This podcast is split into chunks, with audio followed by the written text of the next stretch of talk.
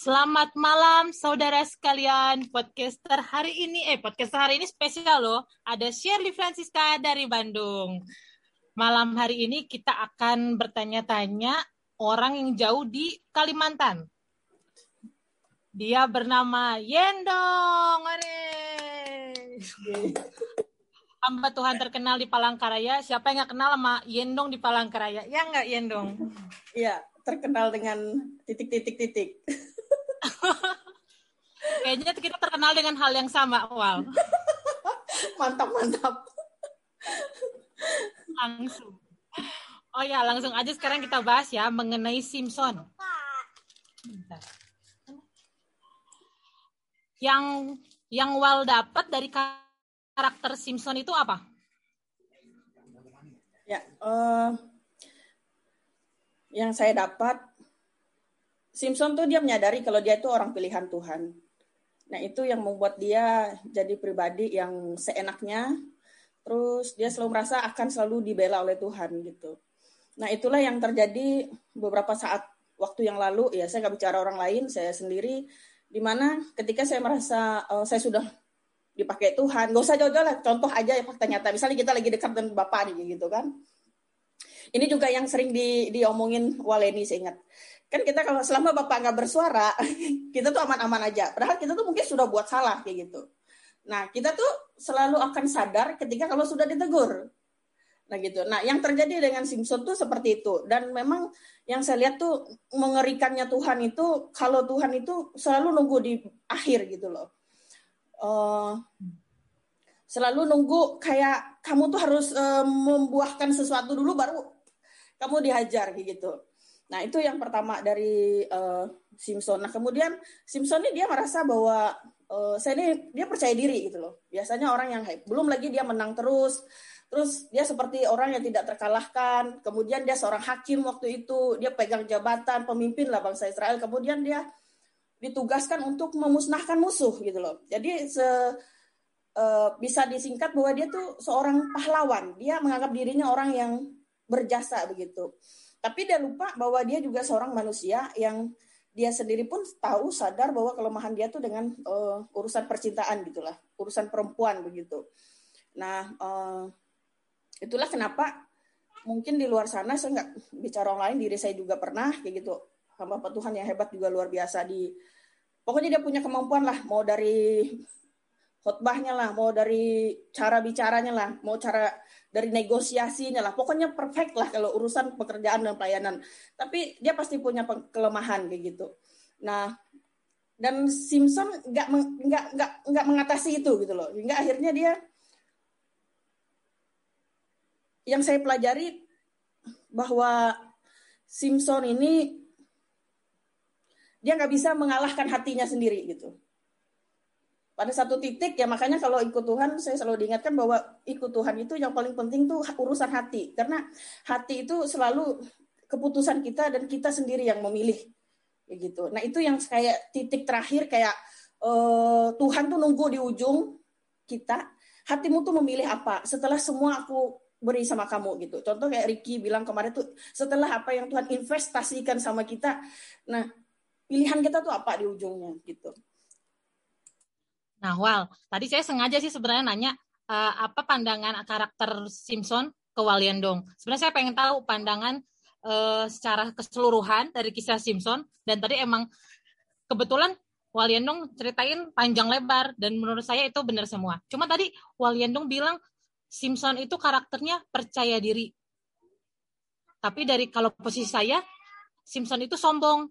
Nah, menurut Waliandong, percaya diri dengan sombong itu sama nggak?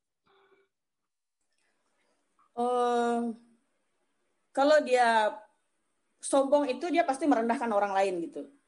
Nah, menurut saya percaya dirinya Simpson tuh makanya dia dia merasa satu-satunya. Uh, kalau dibilang sama, aku rasa nggak tergantung kadarnya.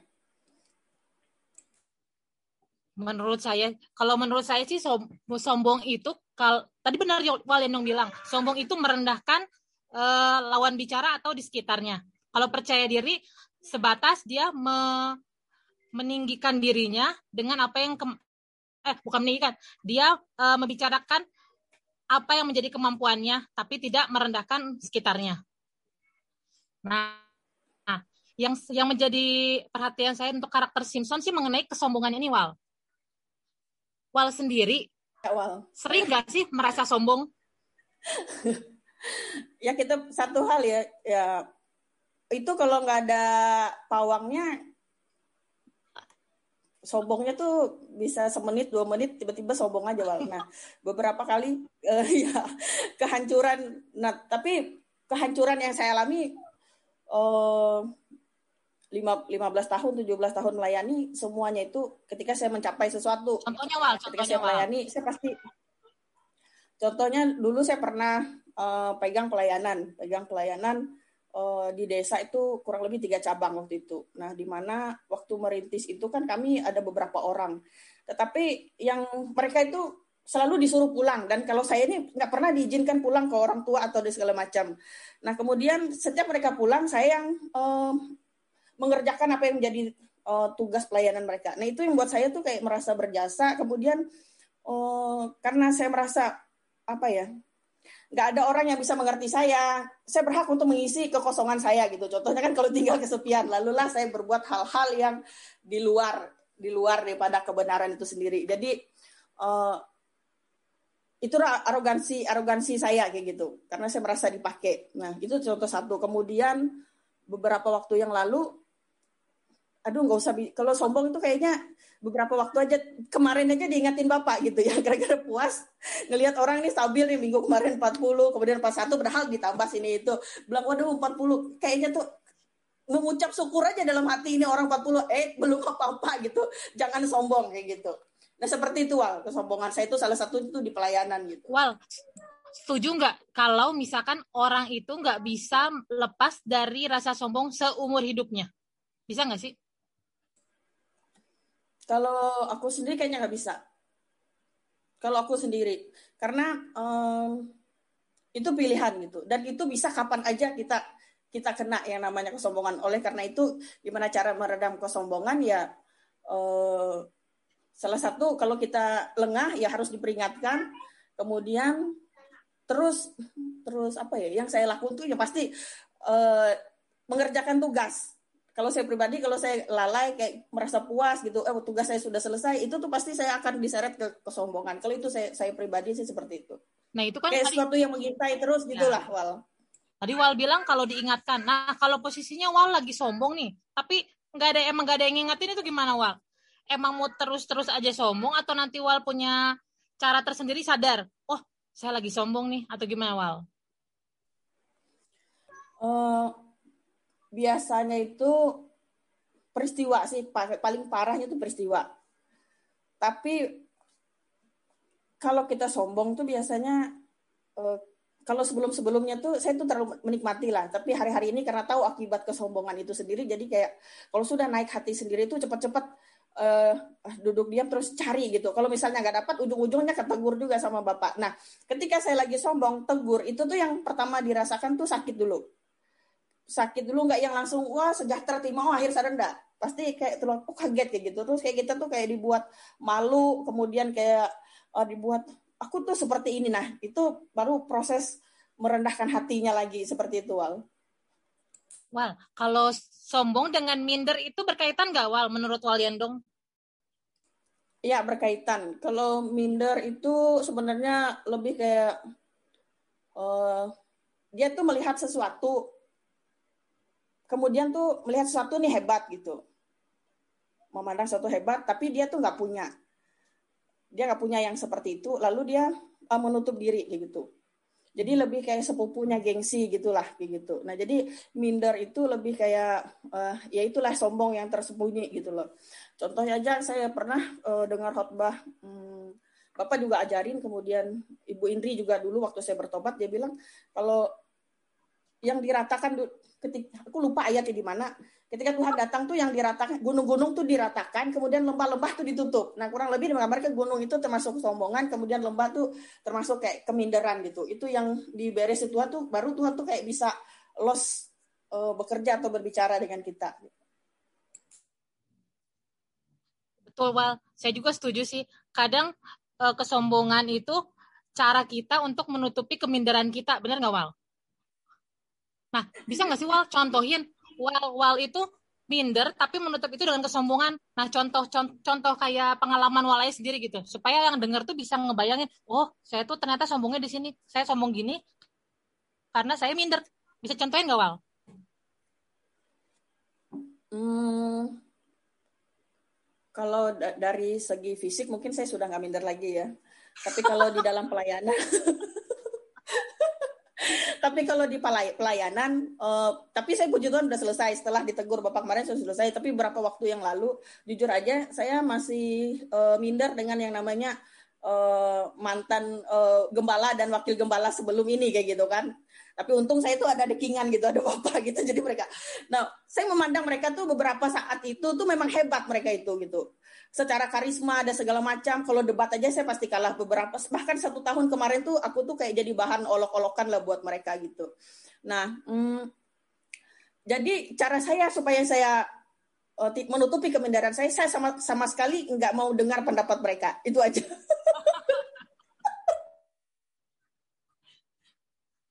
Menurut Walendong itu kesombongan Wal, nggak mau denger Wal. Atau keras kepala, beda tipis loh Wal. Sombong dengan keras kepala. uh, sebenarnya itu itu uh, ya itu kenapa saya bilang saya cara itu sebenarnya itu nggak dewasa kayak gitu. Harusnya kalau orang ya itu karena saya minder makanya saya beraksi seperti itu. Tetapi setelah uh, minggu lalu ditegur oleh Bapak, kemudian saya koreksi, saya duduk di hadapan Tuhan, saya cek hati saya salah di mana akhirnya saya bisa memandang mereka tuh dengan dewasa di mana bagaimanapun mereka tuh dulunya juga teman saya beberapa juga adik-adik rohani saya juga mereka kalau lagi drop juga dulunya juga ya uh, nanya gitu. Bahkan kemarin mau pamit keluar grup juga minta WA saya kan begitu. Jadi jadi saya nggak mandang mereka tuh sebagai sesuatu yang seperti itu lagi tapi saya lebih melihat ke uh, apa kita ini sama aja lah. Mau saya sebat apa pun juga ya sama aja kapan aja kita bisa jatuh, kapan aja bisa gugur. Gak ada orang yang hebat, gak ada orang yang apa. Yang penting melakukan tugas aja kayak gitu. Terus kita nggak ganggu orang lain. Itu aja sih. Nah, Wal, Wal kan sekarang jadi full timer juga ya Wal ya. Emang 24 jam jadi full timer. Ya, Terus Wal. otomatis kan kita terjun dalam pelayanan. Nah, otomatis Wal juga punya kelebihan-kelebihan yang memang Wal bisa sombongin buat orang-orang. Nah, bisa bisa itu nggak sih Wal ceritain kesombongan kayak gimana sih Wal yang biasanya ditemuin di gereja-gereja? Eh bukan di gereja sih, kayak di gereja sekarang yang Wal kelola gitu. Contoh kesombongan dalam pelayanan gereja itu contohnya kayak gimana sih Wal? Nah, uh, jujur ya tahun kemarin kita itu kan uh, zoom seperti ini di mana jadi setiap penetua bahkan ada dibuat grup khusus kita tuh uh, dikasih tugas gitu. Nah dikasih tugas terus menyampaikan pendapatnya terus dia oh dia gali dari mana dan segala macam. Kalau tahun lalu saya menganggap itu sebagai sebuah kompetisi di mana saya nggak boleh kalah. Walaupun posisi saya waktu itu kalah. Kemudian saya selalu bangga setelah saya menyelesaikan tugas itu gitu. Waktu itu. Nah tapi hari-hari ini tuh kayaknya bukan itu gitu. Hari-hari ini tuh saya sudah nggak udah nggak kayak nggak fokus itu dan segala macam tetap mengerjakan tugas tapi karena ada hal yang lain yang lebih penting dan itu juga kalau saya lengah saya dihabisin sama Tuhan akhirnya eh, konteks yang yang saya bilang tadi bu, sudah bukan buat pertunjukan saya hebat dan segala macam. Lebih kayak kalau kita menggali kita harus tahu gitu. Ini buat kita apa? Terus kalau dapat sesuatu wah ini kayak bukan munafik juga sih tapi jujur aja kayak hatiku tuh berubah gitu. Kalau tahun lalu itu benar-benar persaingan lah gitu. Benar-benar persaingan gak boleh kalah. Kemudian um, setiap ada celah kita pasti selalu berusaha menjatuhkan. Itu aja menjatuhkan mental lawan gitu. Nah Wal misalkan ini bukan Wal nih. Ini misalkan Simpson Simpson itu ada di umat ataupun sesama uh, teman pelayanan. Nah, otomatis apa yang Walyendong lakukan untuk menghadapi umat atau teman-teman sepelayanan yang jadi yang memiliki karakter seperti Simpson kesombongan seperti ini loh. Biasanya saya cari kelemahannya dulu sih. Kalau saya saya cari kelemahannya, kemudian kalau saya tahu kelemahannya maka saya akan isi kelemahannya kemudian saya rangkul dia. Biasanya nggak sadar sudah kayak uh, ya udah ikut aja gitu akhirnya. Begitu sih.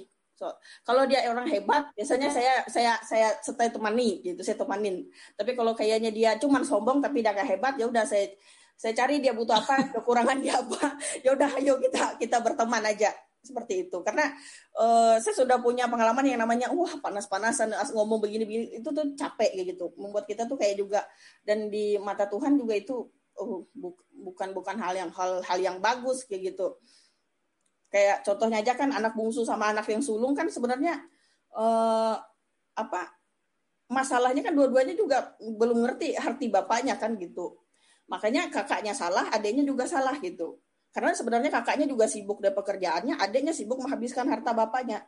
Kayak gitu. Jadi nggak bisa kakaknya menganggap bahwa adiknya tuh lebih salah gitu, walaupun dia bekerja dengan bapaknya. Karena faktanya dia juga nggak tahu hati hati bapaknya saat itu yang merindukan anaknya. Gitu. Itu aja sih gambarannya kayak gitu. Wal, kita bahas kesombongan lebih dalam lagi, Wal. Wal, misalkan gini loh, Wal. Kan selama ini tuh saya posisinya misalkan saya jadi umat nih. Saya tuh melihat Eh, orang-orang uh, sombong lebih menghargai uh, hamba Tuhan yang kaya. Orang-orang sombong lebih menghargai orang-orang yang hamba Tuhan yang istilahnya punya banyak uang gitu, Wal. Nah, dalam posisi Waliendong dulu misalkan Waliendong belum ada mobil nih. Nah, untuk menghadapi orang-orang yang kaya dan sombong itu bisa Wali Waliendong gimana, Wal? Cari kelemahan dia kayak gimana contohnya? Kalau saya sih, kalau saya nggak punya uh, kemampuan buat naklukin dia, biasanya saya nggak kejar dia. Itu aja sih. Ya biarkan buat buat aku dengan dia, dengan dia berpandangan bahwa dia hanya menghormati pendeta yang kaya, yang segala macam. Saya pikir kualitas dia tuh ya segitu gitu. Jadi mau uh, di mau saya tarik kayak gimana pun kayaknya nggak bisa. Oleh karena itu uh, apa? Aku percaya sih, bukan percaya sih ya misalnya hari ini dikasih itu tuh juga dengan tujuan gitu. Misalnya hari ini dikasih dengan mobil juga buat ningkatin kepercayaan diri itu sendiri dan mungkin pandangan orang kayak gitu. Nah, itu aja sih Wal. Waktu itu mungkin bukan bagian saya orang yang yang seperti itu. Makanya saya kan dapat jemaat saya kan yang biasa-biasa aja hari ini yang kira-kira saya bisa merangkul mereka. Itu aja Wal. Nah, Wal, misalkan kayak karakter Simpson nih Wal. Simpson itu sombong. Misalkan Wal itu pernah punya pengalaman dengan kesombongan Wal itu yang membuat Wal jatuh jatuh banget dalam pelayanan. Pernah nggak sih Wal ngalamin kayak gitu? Karena kesombongan karena kesombongan dari Wal itu. Pernah Wal. Makanya satu tahun kemarin saya tuh di di nggak dipakai sama sekali sama Tuhan. Benar-benar saya tuh uh, bisa balik sama Tuhan tuh sampai Tuhan tuh ACC dengan hati saya waktu itu. Padahal saya sudah ibaratnya di tengah kerja Tuhan pun saya berusaha untuk tetap melayani kayak gitu. Terus uh, bahkan ketika saya ingin balik pun Tuhan juga belum ACC ACC Tuhan tuh maksudnya dengan saya merasakan damai sejahteranya kemudian saya diterima kayak gitu. Kemudian saya dipakai lagi uh, dalam konteks yang ukuran saya kayak gitu. Nah kenapa saya bilang hmm, tahun lalu itu adalah karena kesombongan saya? Karena waktu itu jujur uh, saya tuh di upgrade sendiri gitu saya punya kemajuan dan segala macam kemudian saya lihat teman-teman jemaat di tempat ini tuh mereka tuh yang waktu itu kekristenan mereka tuh yang sebatas uh, sesuka mereka. Mereka nggak nggak nggak mau yang lebih dalam. Kemudian mereka tuh cuman apa ya masih kayak fokus dan dirinya sendiri. Aku bilang untuk uh, aku apakah untuk kapasitasku ya ilah sombong banget gitu dan terus dari dulu tuh emang cita-cita aku tuh aku tuh pengen pelayanan di Surabaya gitu kayak nggak tahu gimana kenapa aku tuh selalu pengen di Surabaya waktu itu nah suatu ketika uh, saya didorong begitu dan dapat penubuhan pula gitu dari Bapak. Waktu saya kaget juga kenapa kamu dibuat Tuhan seperti ini. Mungkin ini jalan begini-begini Bapak bilang waktu itu. Dan saya memang sudah dapat itu Tuhan. Ternyata setelah saya mengambil keputusan uh, adik-adik adik-adik rohani saya bilang jemaat-jemaat yang saya tinggalkan dia bilang tega kakak dia mereka bilang seperti itu sama saya nah di situ kayak muncul rasa sedih kemudian juga ditegur sama bapak saya salah pilih waktu itu dan dan sejak saya memilih waktu itu benar-benar saya kayak dikeluarkan dari kelompok galaksi waktu itu. Semua orang dilawat Tuhan, semua orang dapat hadiah Tuhan. Saya itu memang kering, memang kayak nggak dapat apa-apa. Bahkan sampai di Surabaya pun saya yang pikir saya justru nggak dapat apa-apa. Nah, waktu itu bukan saya sadar, tapi saya malah marah. Nah, marah, kemudian coba, kemudian ngambek. Akhirnya komplit lah satu tahun saya mengalami hukuman itu. Saat nggak dipakai dalam pelayanan itu gimana rasanya sih, Wal? Apa yang Wal lakuin supaya Wal bisa masuk lagi nih dalam pelayanan? waktu itu waktu lagi posisi di bawah itu apa yang dilakuin Wal? Setiap kali kita buat kesalahan biasanya tuh kan uh, ketika ditegur pasti nggak terima. Nah waktu itu nggak terima. Kemudian ketika dilepas pun saya tantang balik gitu. Ya enggak nggak apa-apa. Dan aku juga nggak mau biar aja mereka semua yang dipakai nggak apa-apa biar aja mereka semua tuh aku juga sudah sampai di situ gini gini gitu. Silahkan maju-maju aja. Nah awalnya itu saya aku tuh kayak uh, menerima itu dengan apa ya? Dengan senang lah gitu. Nah lalulah kita sama-sama suka nonton drama kan wah istilah habis sambil ya ibad melayani melayani uh, jaga markas jaga markas tapi saya juga punya kasihkan sendiri. Sampai satu titik beberapa uh, peristiwa ya contohnya gimana saya tuh nggak nggak ngurusin sama sekali sampai sama ikan. Contohnya itu yang menjadi tugas saya kayak gitu kan. Sampai terakhir bapak bilang tuh saya tuh keterlaluan gitu. Dan nggak pernah dicat lagi setelah itu. Dan itu yang paling kayak menohok saya kayak oh saya ini kok keterlaluan seperti itu. Nah dari situ saya akhirnya sadar bahwa saya nggak boleh seperti itu. Saya sudah keterlaluan. Saya sudah sudah sudah ampun ampun dah kayak gitu. Nah dari situ uh, tapi saat itu saya tuh ada ada ada hati pengen uh, karena nggak punya lahan pengen melayani jemaat-jemaat tangkiling waktu itu. Di mana mereka tuh orang-orang yang sederhana yang memang ter, belum tersentuh gitu. Uh, beberapa kali saya dorong Tuhan suruh kunjungan-kunjungan. Nah, ketika saya mulai ngajarin mereka, mereka kayaknya nerima. Akhirnya uh, coba usulin ke Bapak, boleh nggak buka komsel itu? Ya diizinkan. Nah, dari situ saya mulai pelan-pelan uh, melayani lagi dan lumayan pelayanan kami juga diberkati orangnya nambah. Walaupun sayanya sendiri tuh hampa gitu. Saya tuh sendiri kosong yang selalu ditanya bapak kapan Tuhan terakhir ngomong sama kamu? Tuh saya tuh benar-benar nggak bisa. Sampai saya kayak ngemis. Bahkan uh, saya minta bisa tersambung sama bapak aja nggak bisa kayak gitu. Dan benar-benar saya tuh didiamkan kayak gitu. Diam kalau saya kayak pokoknya diam gitu. Beberapa bulan terakhir uh, contohnya kayak ikan kayak ikan gitu saya sudah diingat Tuhan coba kamu setting dari seperti yang di awal gitu. Enggak saya bilang biar aja ikannya nanti tunggu bapak datang aja. Paling beres juga. Saya bilang gitu seperti itu. Nah sudah saya waktu itu sudah uh, terkoneksi kembali dengan bapak. Tuhan jawab doa saya dan segala macam. Memang beberapa hal memang sakit sih. Pernah satu pagi uh, saya bangun tuh saya kayak meratap kayak mengerang gitu dengan Tuhan. Minta supaya hati saya tuh jangan dibuat seperti itu gitu loh. Memohon-mohon sama Tuhan dan itu nggak nggak selesai gitu. Nggak selesai dengan saya menangis dan meminta gitu. Nah kemudian e, berjalannya waktu berjalan itu saya ikutin program saya terus ikutin diulang lagi e, soal ikan diulang lagi dibongkar lagi apa yang saya terus dikoreksi e, sikap saya dan segala macam dan saya ikutin gitu. Nah tahap demi tahap nggak tahu tiba-tiba aja udah udah kayak gini kayak gitu. Itu aja sih waktu itu. Tiba-tiba saya sudah bisa lagi e, nyambung gitu loh sama Tuhan kayak kalau naikkan pujian tuh rasalah damai sejahteranya kayak gitu. Itu aja sih wal berapa nggak nggak nggak tiba-tiba terasa saya sudah lewat kayak gitu. Pernah satu kali saya berusaha mendapatkan Tuhan dengan mengaku bahwa saya ini memang uh, uh, orang nggak tahu diri saya ini memang penjahat saya ini dengan sengaja berontak saya buat pengakuan saya berharap dengan setelah saya mengaku Tuhan tuh langsung jam hati saya saya plong gitu. Dan enggak saudara. Malah makin dihantam karena pertobatan saya itu cuman supaya saya mendapat pengampunan Tuhan bukan pertobatan yang sungguh-sungguh. Itu wal awal berarti kalau kita lagi jatuh kita lebih, baik masuk tracknya lagi aja ya Wal ya walaupun hati misalkan masih mengeluh masih marah-marah atau gimana masuk aja tracknya dulu masuk masuk jalannya apa yang kita tuju jalannya di situ aja dulu misalnya sekarang mbak bapak yang dampingin Wal ikut aja jalannya bapak dulu walaupun hati Wal tuh nggak karuan gitu Wal seperti iya. itu Wal atau bukan Wal Iya memang hmm. kan karena memang uh, untuk pelayanan di sini kan uh, perintah instruksi dari Tuhan kan memang lewat bapak gitu Nah, itu juga yang menjadi keresahan saya beberapa waktu lalu eh, ketika teman-teman ini uh, berjalan sendiri begitu dalam pandangan saya gitu. Walaupun dikasih kebebasan harusnya mempertanyakan lagi gitu. Bukan berarti kita bergantung tapi ada ada hal-hal tuh yang nggak boleh keluar dari tracknya kayak gitu.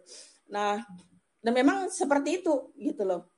Uh, kalau saya punya keinginan sedikit tuh belum ditegur aja saya sudah merasa gak enak. Akhirnya saya, saya balik. Karena sebelumnya saya sudah ngalamin yang namanya ceroboh kayak kayak Simpson arogan kayak Simpson. Oh dikasih kepercayaan tuh seenaknya kayak gitu. Sudahlah sudahlah ngalamin kayak gitu. Jadi uh, cuman ya nggak enaknya tuh gini. Karena kalau kita tanya nggak pasti. Kalau kita dari rendah hati uh, saya salah apa? Misalnya gitu Tuhan nggak akan jawab. Kamu saling nggak ada. Nah Tuhan tuh selalu ingatkan kalau kita lagi salah sudah diingatkan kita nggak mau dengar nah pasti cara Tuhan negur tuh dengan yang kita nggak suka dan itu sakit sekali mau nggak mau akhirnya kita balik tanya Tuhan sungguh-sungguh supaya kejadian yang kita nggak suka tuh nggak kita alami lagi gitu. Akhirnya muncul yang namanya pemberesan gitu. Memang memang uh, kan memang sistem kita kan memang dibangun seperti itu lah saya saya juga kan memang pekerjaannya di pekerjaannya bapak di sini gitu jadi saya juga belum dikasih hikmat untuk mengatasi ini dan itu gitu. Jadi uh, paling aman tuh ya memang ikut treknya aku bilang juga sama Tirsa kita ikut trek bapak aja. Kita ikut jalan aja. Mau orang bilang ini itu dan segala macam kita ikut jalan aja. Karena paling aman sudah kayak gitu. Karena sudah ngerasa ketika terputus dengan nyambung itu rasa tuh bedanya gitu. Tuh.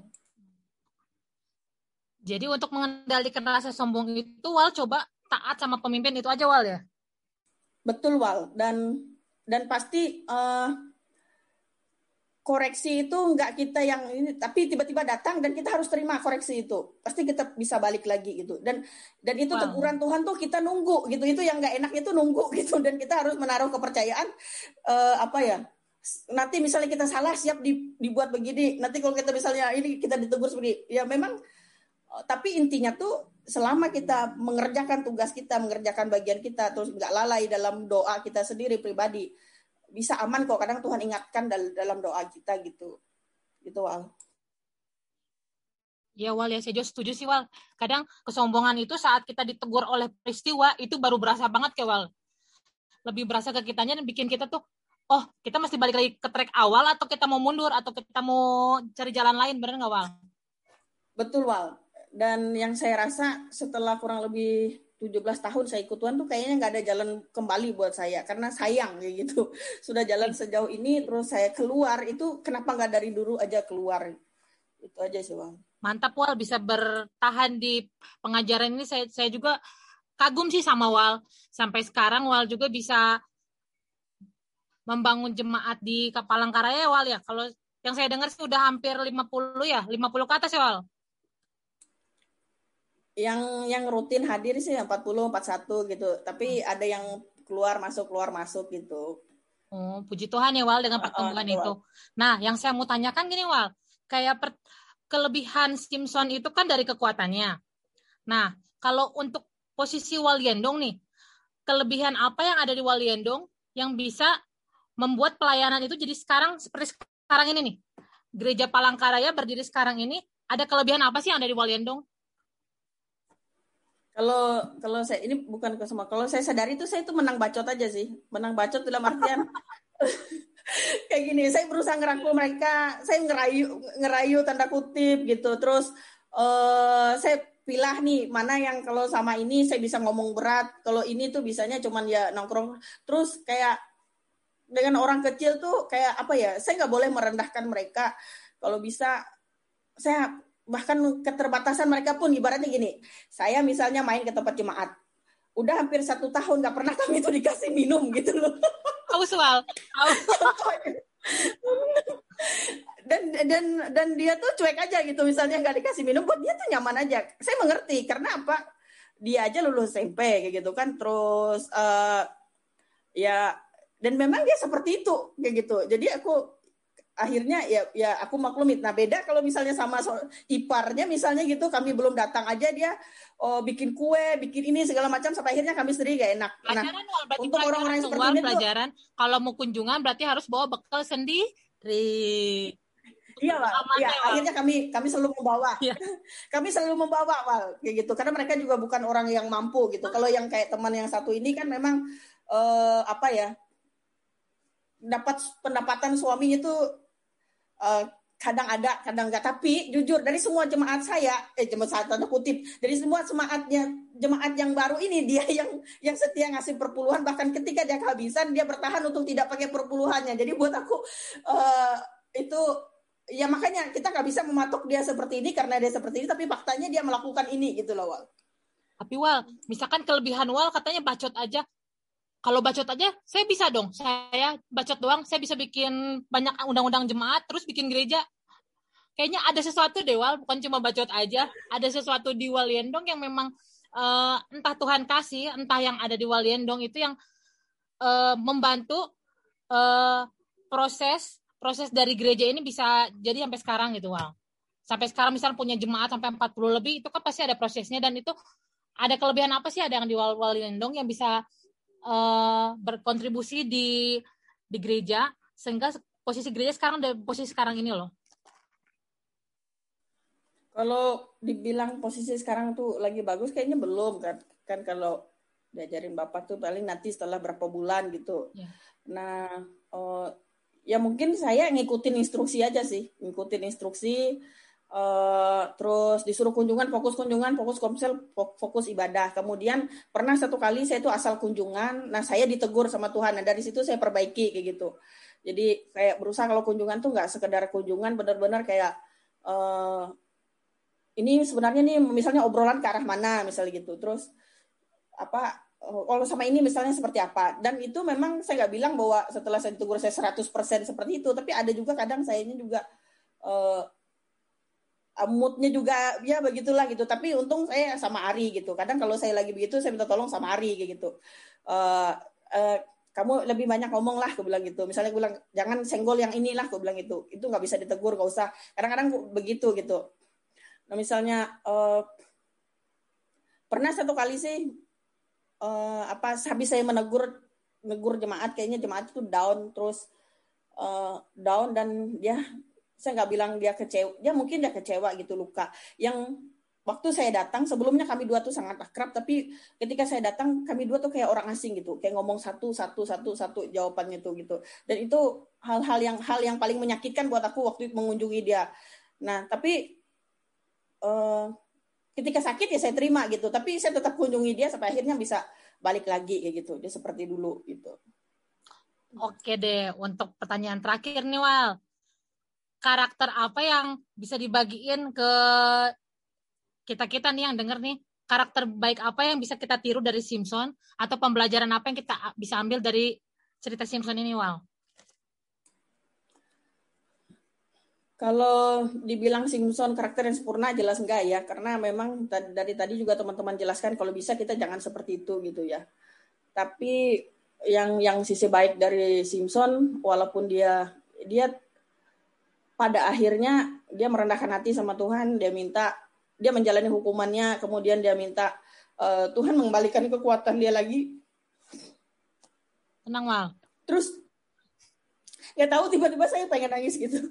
Terus apa um, dia dia tetap menyelesaikan tugasnya di hadapan Tuhan gitu, meskipun itu yang terakhir gitu. Dan dan memang terbukti ya saya pikir kita nggak bisa luput dari kesalahan gitu kan. Semua orang bisa salah gitu. Tapi ketika dia salah selama masih ada peluang untuk dia membenahi dia harus pakai itu gitu. Nah itu yang dilakukan Simpson walaupun itu akhir daripada hidupnya. Gitu. Jujur aja waktu saya sebelum jadi hamba Tuhan jadi orang awam saya selalu menangis kalau lihat Simpson gitu menyesalkan gitu. Padahal dia orang hebat dan segala macam kenapa endingnya seperti itu gitu. Tapi saya pikir Simpson dicatat juga untuk tujuan kayak gitu di mana uh, mungkin hari ini kamu kalah, mungkin hari ini kamu gagal kayak gitu. Mungkin kamu hari ini lagi salah. Selalu ada jalan kembali selama selama kita tuh masih mau kayak gitu. Selalu ada jalan kembali dan Tuhan selalu kasih kesempatan dan selalu kasih jalan kayak gitu. Yang penting yang Tuhan lihat tuh niat hati kita buat balik sama Tuhan dan menyelesaikan tugas. Itu aja sih Wal. Setuju Wal, semangat ya Wal pelayanannya di sana. Semoga Wal semakin besar besar badannya wal. Semangat jangan bersedih lagi.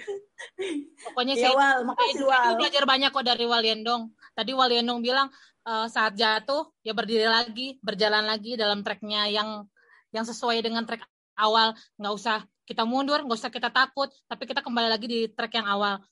Makasih Waliendong buat sharing-sharingnya. Semoga berikut Sama-sama, kita bisa wal. sharing langsung ya Wal ya Iya, Wal. Kalau online gini kayaknya masih kurang gimana ya, Wal. Kalau langsung kayaknya lebih seru. Oke, terima kasih Walendong. Sampai ya. ketemu di lain waktu. Bye-bye. Ya. Yesus berkati.